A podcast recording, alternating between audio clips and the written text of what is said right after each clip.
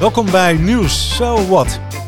Een nieuwe aflevering van onze bijna dagelijkse podcast, waarin we met vrienden in een half uur over het nieuws van gedachten wisselen. De onderwerpen benaderen we van verschillende kanten. Met creativiteit, soms verwondering, maar zeker in vrijheid. Zo kun je je eigen mening vormen. En dat mag. So what? Ja, vandaag gaan we het hebben over slachtofferschap, gratis geld en oplopende schulden. Goeiedag Sander. Hi. Mooi rijtje hè? Slachtofferschap, gratis geld en oplopende schulden. Hè, dan word je niet... eh klinkt wel een beetje deprimerend hè? Of niet? Gratis geld? Nou, dat klinkt nog wel eh, ergens naar hè? Maar... Nou, ik ehm, kan het zeggen. Het is, hmm. Waar zullen we eens mee beginnen? Met dat slachtofferschap. nou ja, ja, je kunt ermee beginnen, maar je kunt er ook mee eindigen. Want dat is een beetje de. ehm, ik, laat eerst zeggen, gratis geld, dat is leuk. Oh, Dat is, eh, nou, dat, eh, dat, kijk, dat spreekt me sowieso aan, gratis geld, hè? Maar dat zal wel niet helemaal. Ja. Ehm, Ja. hoe is het eh, verlopen met de coronacrisis en het geld? En het is bijna gratis, hè? Dus ik denk dat een hoop mensen het willen uitgeven als ze het hebben. Ook als ze het niet hebben, trouwens. Hoe kijkt de overheid Ja, daar tegenaan? Nou ja, kijk, de, de overheid is iets anders dan een huishouden, zeggen ze altijd. En de overheid die kan lenen en lenen en lenen en lenen wat het wil. En eh, de schulden die ze dan maken, die kunnen ze zogenaamd doorrollen. En die kunnen ze dus aflossen met het aangaan van nieuwe schulden. Eh, nou, dat doet de overheid natuurlijk al decennia lang.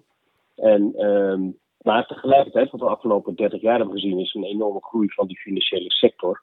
En ehm, de laatste paar jaar toch wel steeds frequenter crisis. Dus uiteindelijk wat er is gebeurd, is dat de centrale bank heel erg in heeft moeten grijpen in die financiële sector om die te ondersteunen. En inmiddels is het ook zover dat ze overheden, eh, overheden aan het ondersteunen is. Dus overheden kunnen eh, goed lenen, konden altijd goed lenen op de financiële markten. Ja. Ehm, maar geven nu zoveel geld uit voor eh coronamaatregelen om het bedrijfsleven te ondersteunen, om de economie te stimuleren, dat de, de ECB eh, in ons geval, waar in Amerika de Federal Reserve aan het bijspringen is om ehm, ja, het hele financiële eh, kaartenhuis te ondersteunen. En eh, ja, dat resulteert eigenlijk voor politici in een vorm van gratis geld. Ja, maar Rutte die heeft toch altijd gezegd, eh, of althans die heb ik het afgelopen jaar horen zeggen, dankzij het feit dat we zo goed op de winkel hebben gepast en gespaard hebben, kunnen we dit ons veroorloven. Ja, Maar dat is En niet Nederland zo. heeft. eh, nou ja, kijk, dat, dat hangt een beetje vanaf nu tegen die hele lage rentes. En, en, en onze, onze staatshuishouding was in vergelijking met Zuid-Europese landen natuurlijk wel veel beter op orde. Ehm, hè, dus in die zin is de reputatie van Nederland erg goed, net als die van Duitsland. Dus wij kunnen gewoon erg goedkoop lenen en makkelijk lenen. Ehm, dus ja, in- inderdaad, in die zin heeft Rutte het wel eh, gelijk hè, dat we het ons kunnen veroorloven. Maar ehm, wat als er een tijd komt dat de rente gaat stijgen? Hè? Dat is, eh, die, die daalt natuurlijk al 40 jaar en is nu voor Nederland negatief. Eh, dus eigenlijk krijgt de staat geld om te lenen. Ehm, maar wat als die rente gaat stijgen? En Stel je Ja. voor dat wij heel, heel veel gaan lenen nu om eh, die economie te blijven ondersteunen. En eh, stel voor dat die economie langer stagneert. En dat de bedrijven het langer moeilijk hebben en langer steun nodig is. Ja, dan kan de, de balans van de Nederlandse staat die kan worden gevuld met nog meer schulden en nog meer schulden. Maar ja, die worden natuurlijk onhoudbaar op het moment dat de rente gaat stijgen. Ja. Ik kocht gisteren de Frankfurter Allgemeine. Daar staan Ja. pagina's volgeschreven over dit onderwerp. En over de Ja. inflatie die er hè, die gaat stijgen. En hele discussies over hoe hoog die inflatie mag zijn. En waar ze bang voor Ja. zijn. Ehm, ik, ik concludeer hieruit dat dit eigenlijk in, voor alle landen geldt. Hè, wat nu voor Nederland geldt. Absoluut. Ja. En eh, ja, er is kijk. Ja, ga door. Hebben ze ehm, na, na de ECB en de FED, is daar, is daar een vorm van overleg over hoe ze dit aanpakken? Of hoe hier uit te komen is? Eh, Of studies? Nou ja, weet je, de, de studies en het hele vak macro-economie, monetaire economie, die worden herschreven uh, terwijl we ernaar kijken eigenlijk. Omdat wat wij meemaken, dat hebben we eigenlijk nog nooit meegemaakt. dat de schulden alleen maar toenemen en toenemen en toenemen en dat de rente blijft dalen en dalen en dalen. Dat, dat betekent dat er iets, een, een, onderliggende uh, uh, structuur is die economen en monetaire economen niet begrijpen. Ze begrijpen eigenlijk niet meer hoe het systeem functioneert zoals het functioneert. En um, uh, tegelijkertijd zien politici dus lage rentes en, um, en, ze kunnen alleen wat ze willen. En daardoor krijgen ze een mentaliteitsverandering van hé, hey, die rente is laag, die zal wel altijd laag blijven. En we blijven uitgeven. Dus er zit een, een hele. En, en dat, het gevaar daarvan is dat centrale banken worden gedwongen min of meer om uh, die geldpers aan te laten staan om die, die overheid te blijven financieren. Hmm. En, en er ontstaan discussies over, ja, gaat er inflatie ontstaan? Maar ja, tot nu toe is dat de grote afwezige. Ja, zijn dit de discussies die ook in Davos gevoerd worden? Uh, nou, dat weet ik eerlijk gezegd niet. Ik vind het opvallend wat je zei over Duitsland. Duitsland is natuurlijk van, van, van uh, oudsher een land dat heel erg zich bezighoudt met, met inflatie. Uh, omdat zij natuurlijk die hyperinflatie hebben gehad in 1922. Ja, noemden ze nog, hè? Ja.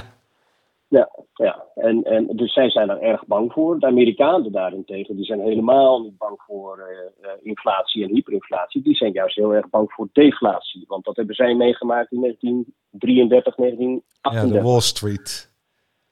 Ja, dus de kracht en daarna de bankencrisis en, en, en daarna uh, ja, echt een, een, een, deflatie en, en hardship voor hun bevolking. Dus de Amerikanen die letten eigenlijk helemaal niet op inflatie, die willen uh, deflatie tegengaan. Dus daarom zijn zij eigenlijk helemaal niet bevreesd voor het, het gebruiken van de balans van de centrale bank. Sterker nog, dat, dat juichen ze toe. Oké, maar betekent dat dus dat de wereldleiders, de, de, de, de, financiële wereldleiders, zoals ik ze mag noemen zo, dat, dat komen die bij elkaar om dit mondiale probleem te bespreken, of niet? Of, of ik hoor daar nooit wat over. Nou, hoorde... wat, je, wat je ziet gebeuren, wat je ziet gebeuren is dat, dat er niet zozeer wordt gesproken over van hé, hey, dit is een probleem, maar meer als hé, uh, hey, het is een nieuwe situatie. En uh, vaak als mensen dan een nieuwe situatie tegenkomen, dan gaan ze er een nieuwe theorie bij verzinnen. In wezen heeft uh, de, de, de beroemde econoom Keynes dat ook gedaan in 1936. Die, heeft een, die was ooit in, in 1919 was het een klassieke econoom. In 1936 was het een econoom die geloofde in overheidsinvesteringen in de economie. Hè, om die um, te stimuleren op het moment dat de economie zou stagneren.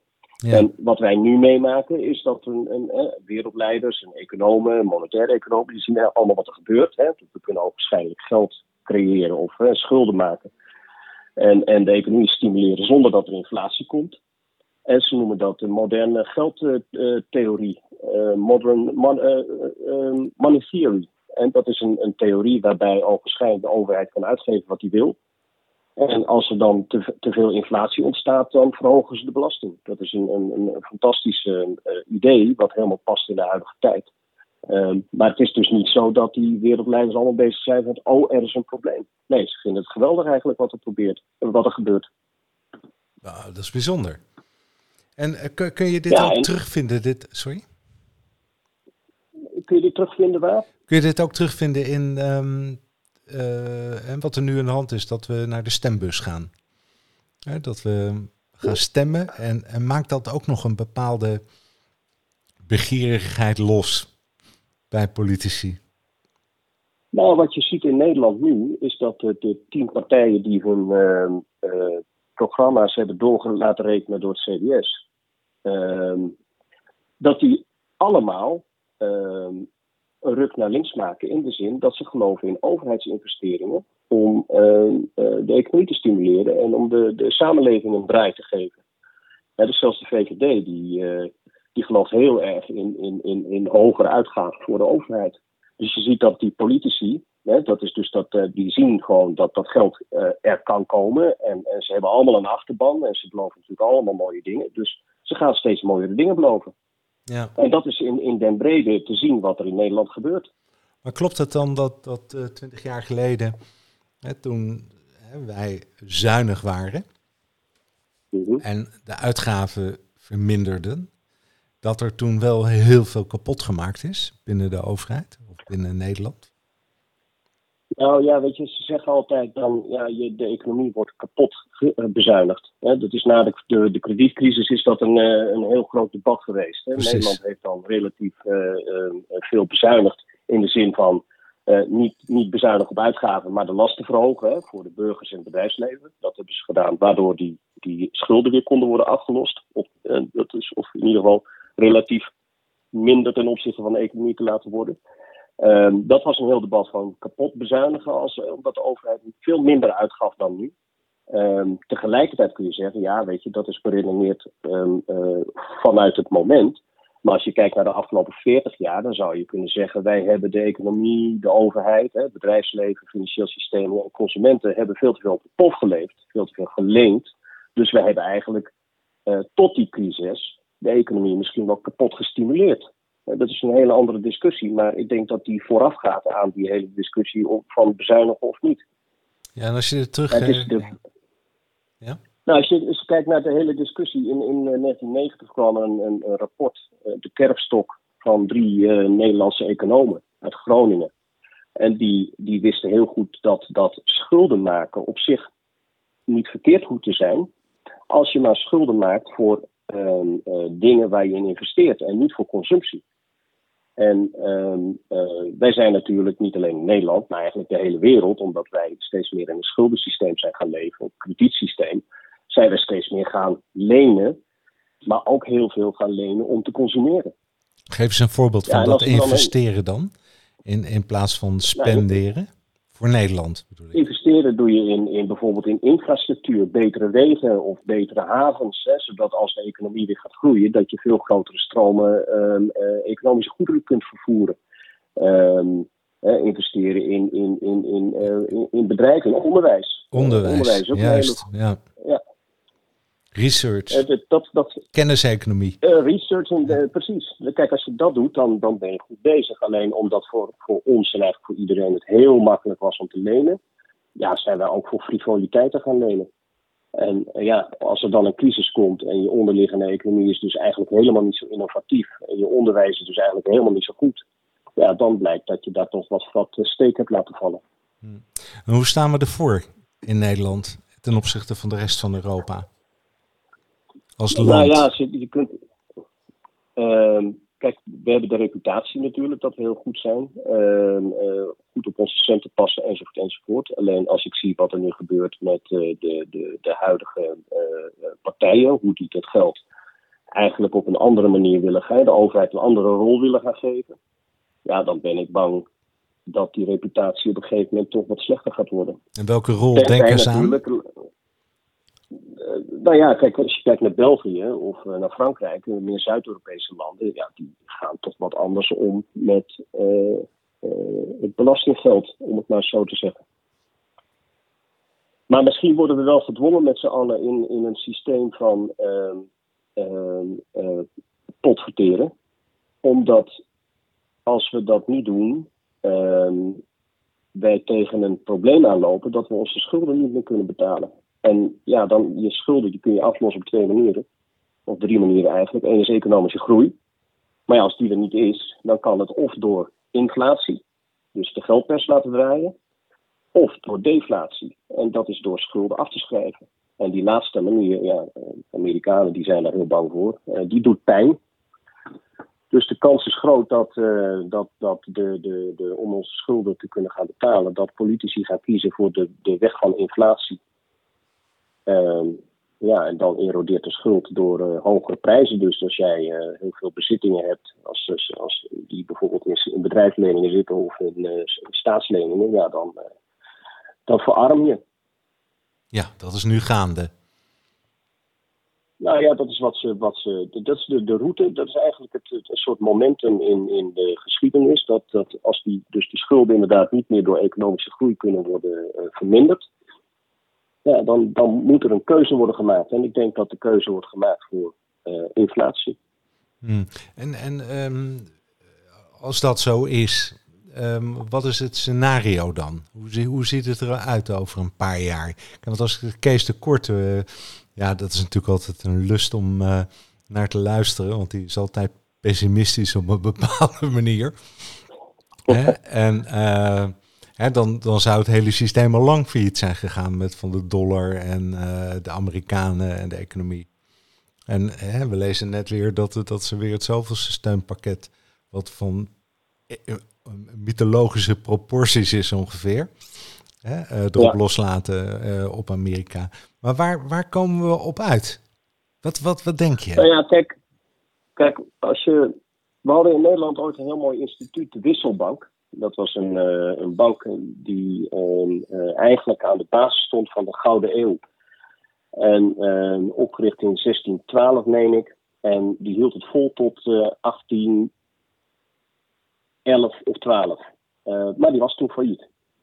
Want wat, wat gebeurde daar? Um, die uh, bank, die voorheen altijd heel solide was en, en uh, al het goud dat je daarin leverde en waar je waardepapier voor terugkreeg, dat hield het in de kluis. Die ging zelf geld uitlenen aan de VOC en aan het Amsterdamse stadsbestuur. En dat werd steeds meer en steeds meer en het kwam niet terug. En op een gegeven moment uh, dachten mensen over die bank: van wat is dat papier wat, wat uh, uitstaat van die bank, is dat nog wel gedekt? En is dat nog wel eh, waardevol genoeg? En uiteindelijk trokken mensen hun geld weg uit die bank. En, en zegden ze daarmee dus eigenlijk het, vertrouwen op. En uiteindelijk is die bank ophouden te gaan, ophouden te bestaan. Hadden ze, toen, wij lopen, hadden ze toen zoveel goud in voorraad dat ze alles konden teruggeven? Uh, nee, maar mensen haalden het terug en brachten het niet meer in die bank. Dus uiteindelijk, eh, als er gewoon goud uitvloeide, uh, uh, dan namen de dekkingen van de uitstaande leningen af. Ja, ja begrijp ik. En, maar was het één op één? Het aantal, dat was één op één. Ja, ja, dat bedoel ik. Dus alle goud was op. hè? Alles teruggegeven, klaar, Schijs. Nou nee, het bestaat niet meer. En, Nee, nou, eh, die, dat doen wij niet meer bij ons. Hè. De tegenwaarde van het uitstaande geld in, in de economie is in onze tijd is schuld. Dus namelijk staatsschuld. En dat kun je creëren uit het niets. Want die staat die, die kan lenen, die biedt zijn staatslening aan, die wordt gekocht. En, uh, de, en, er is dus uh, dekking van de belastingbetaler van het uitstaande geld. dus de, de, de, de centrale bank in ons systeem kan niet failliet. Maar er kan wel wat anders gebeuren. Want als die politici aanspraak maken op een steeds groter deel van uh, de centrale bank om hun uitgaven te financieren, dan kan ook in onze tijd er uiteindelijk een, een, een wantrouwen gaan ontstaan rondom de, uh, de houdbaarheid van het geld. Dus dan kan het zijn dat mensen zeggen: ja, kan ik die euro nog wel vertrouwen? Weet je wat, ik ga in fysiek goud of in bitcoin of in, in tastbare zaken. Um, en dan kun je dus een inflatiedynamiek creëren, waarbij mensen in grondstoffen gaan zitten en, en niet meer in geld. En, en dat is het moment dat de centrale banken eigenlijk nog maar heel weinig kunnen doen.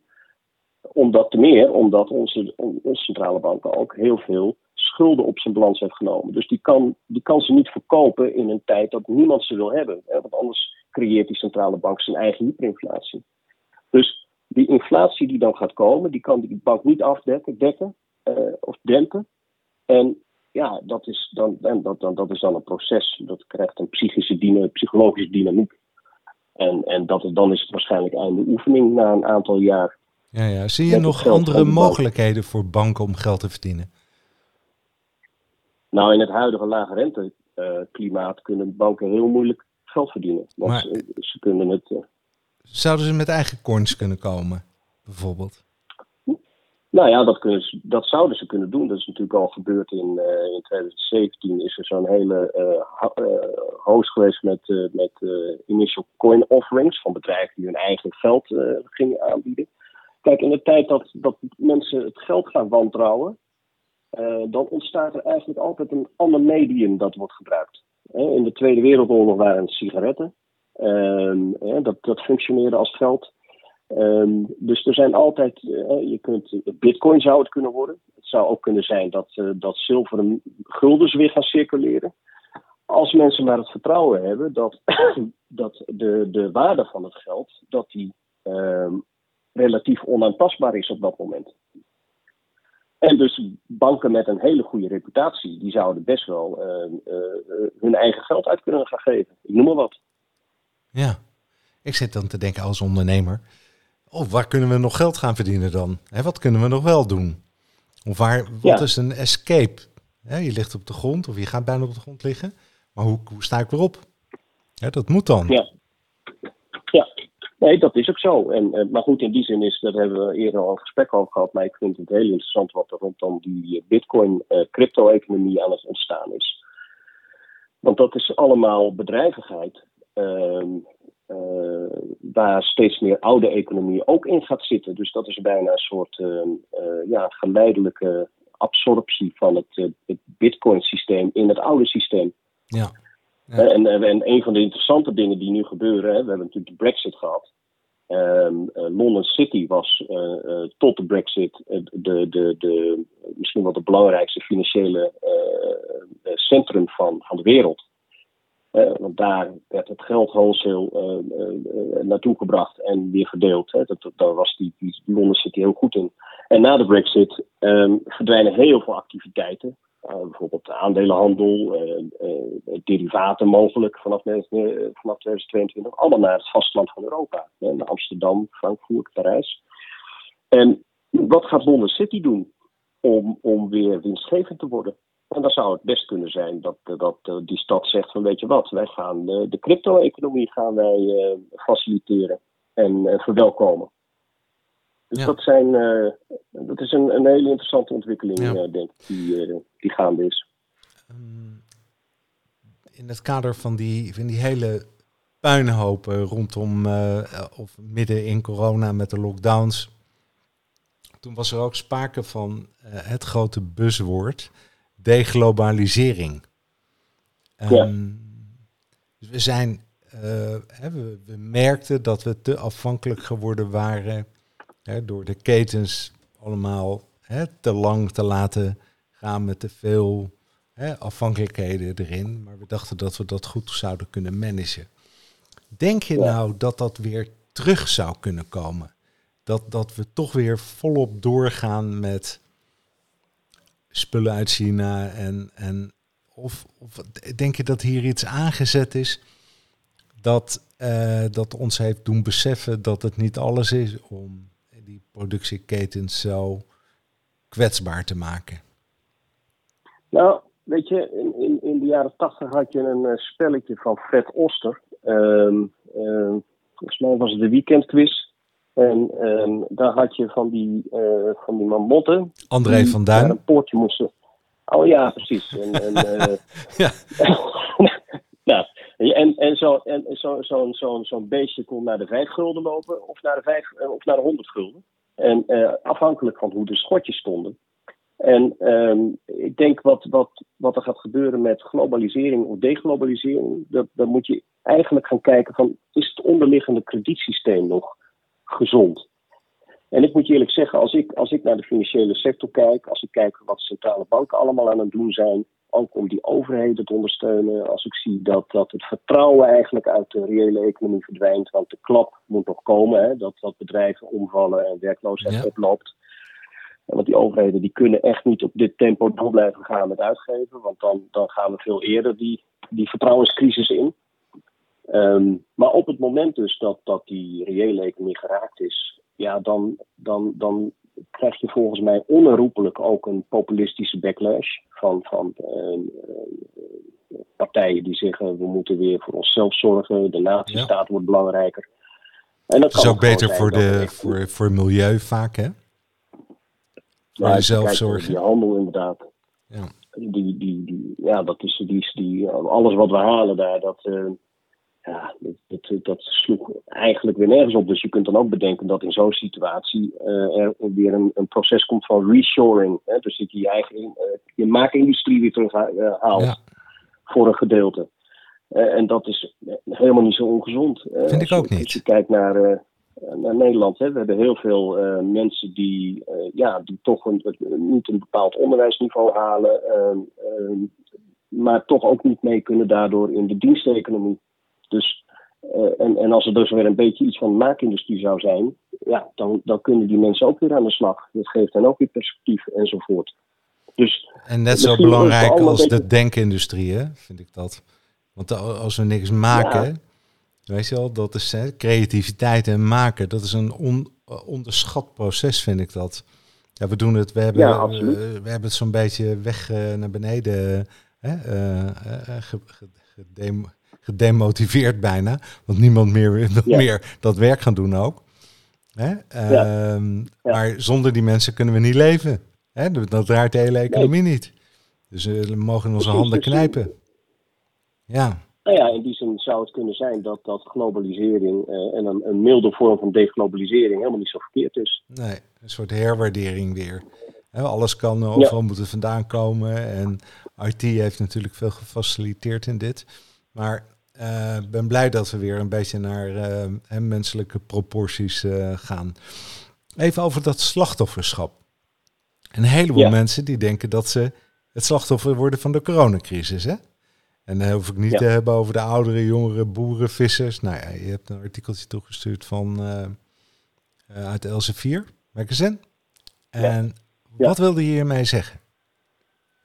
Nou, het interessante is wat hij aangeeft. En, en eh, we zitten natuurlijk in, in, in het hele woke-idee. Dat is woke, dat is dan je, de, slachtofferschap. En, en er worden dan menselijke. Hè, de, niet je eigen verantwoordelijkheid en individualiteit is, is um, uh, staat centraal, maar het feit dat je een, een, een, identiteit ontleent aan een groepsidentiteit. Dus dan ben je, of je bent uh, gekleurd, of je bent uh, blank, of je bent gehandicapt. Nou, je kunt heel veel verschillende zaken kun je indelen en dan kun je heel veel slachtofferschap identificeren en je daarbij aansluiten. Dus dan ben je bijvoorbeeld van een groep die zegt: ik, ik, ik voel me geraakt door het verleden van slavenhandel.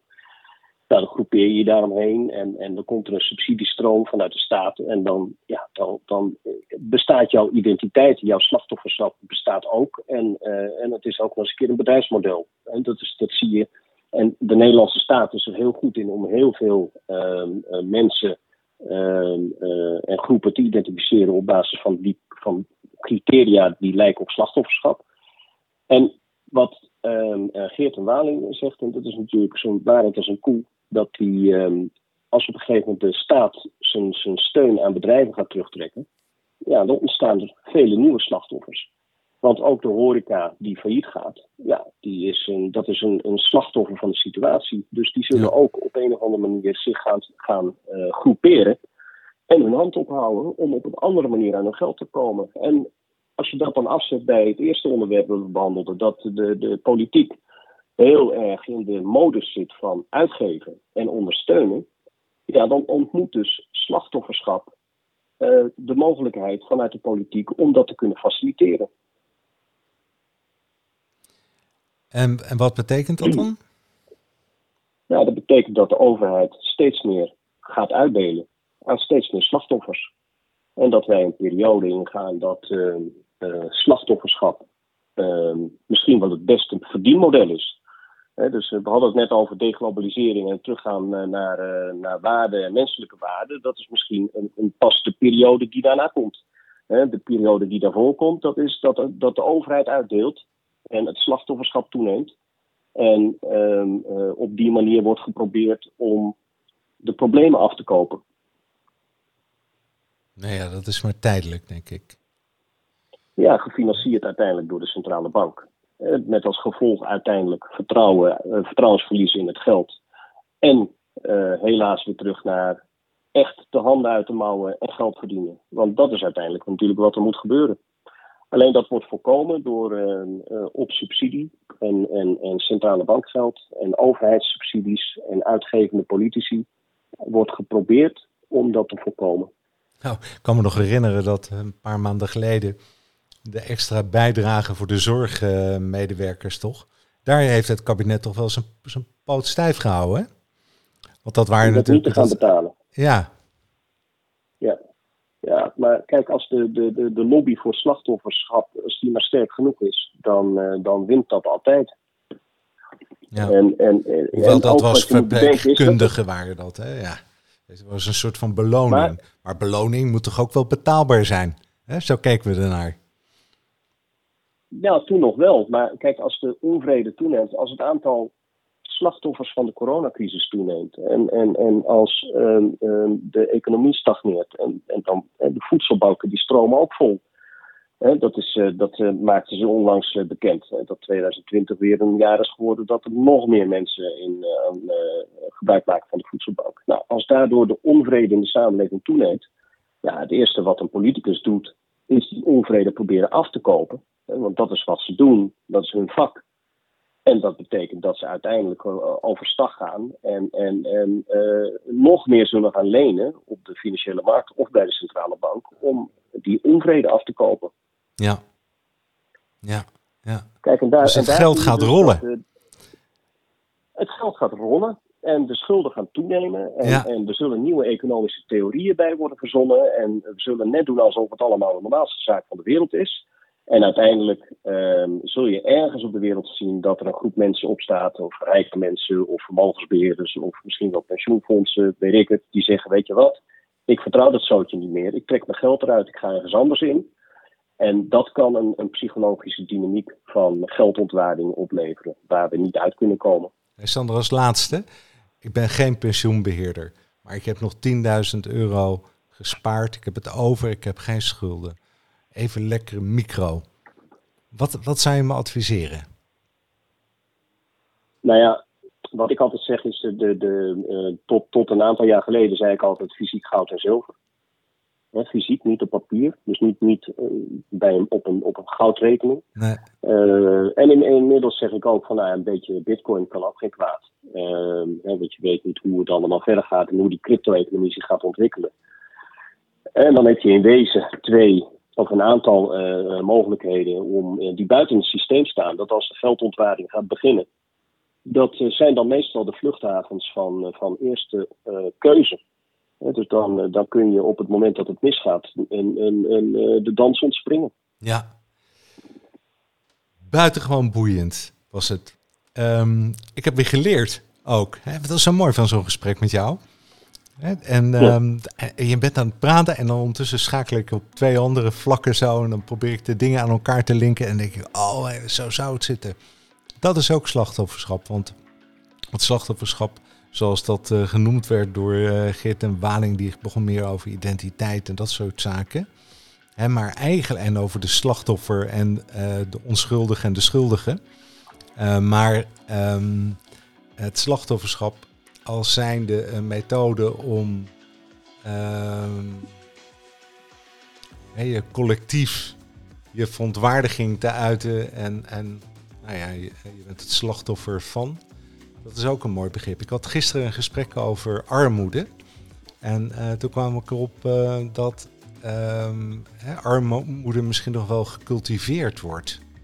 En misschien is slachtofferschap ook wel zoiets, hè, dat dat gecultiveerd wordt. Hè, armoede wordt gecultiveerd door religie en door politiek vaak. Hè, want dan weet je tenminste waar je aan kan werken, hè, zoiets. Hè. En je hebt het ook nodig. Die mensen kunnen zich ook niet zo goed ontwikkelen. Maar misschien zit er ook wel iets in in het slachtofferschap in deze. Nou ja, even wat bespiegelingen van mijnerzijds. hey, ik wens je het allerbeste en hartelijk dank. Jo. Hoi.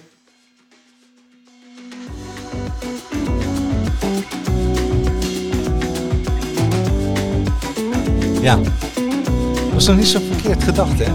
Alsof eh, armoede kan je ook zien als slachtofferschap. Zoals ik dat eh, gisteren besprak. Morgen het speciaal hebben over armoede. Met Joby. Daar kan enorm op verheugen ook. En, ehm, maar we moeten opstaan, rechtop staan en eh, zorgen dat we zelf de baas zijn van ons eigen leven. Dat is het allerbelangrijkste volgens mij. Hè? We moeten nergens van afhankelijk zijn. Dat zij het niet anders kan natuurlijk. Maar ehm, dat is een mooi streven. Tot ziens.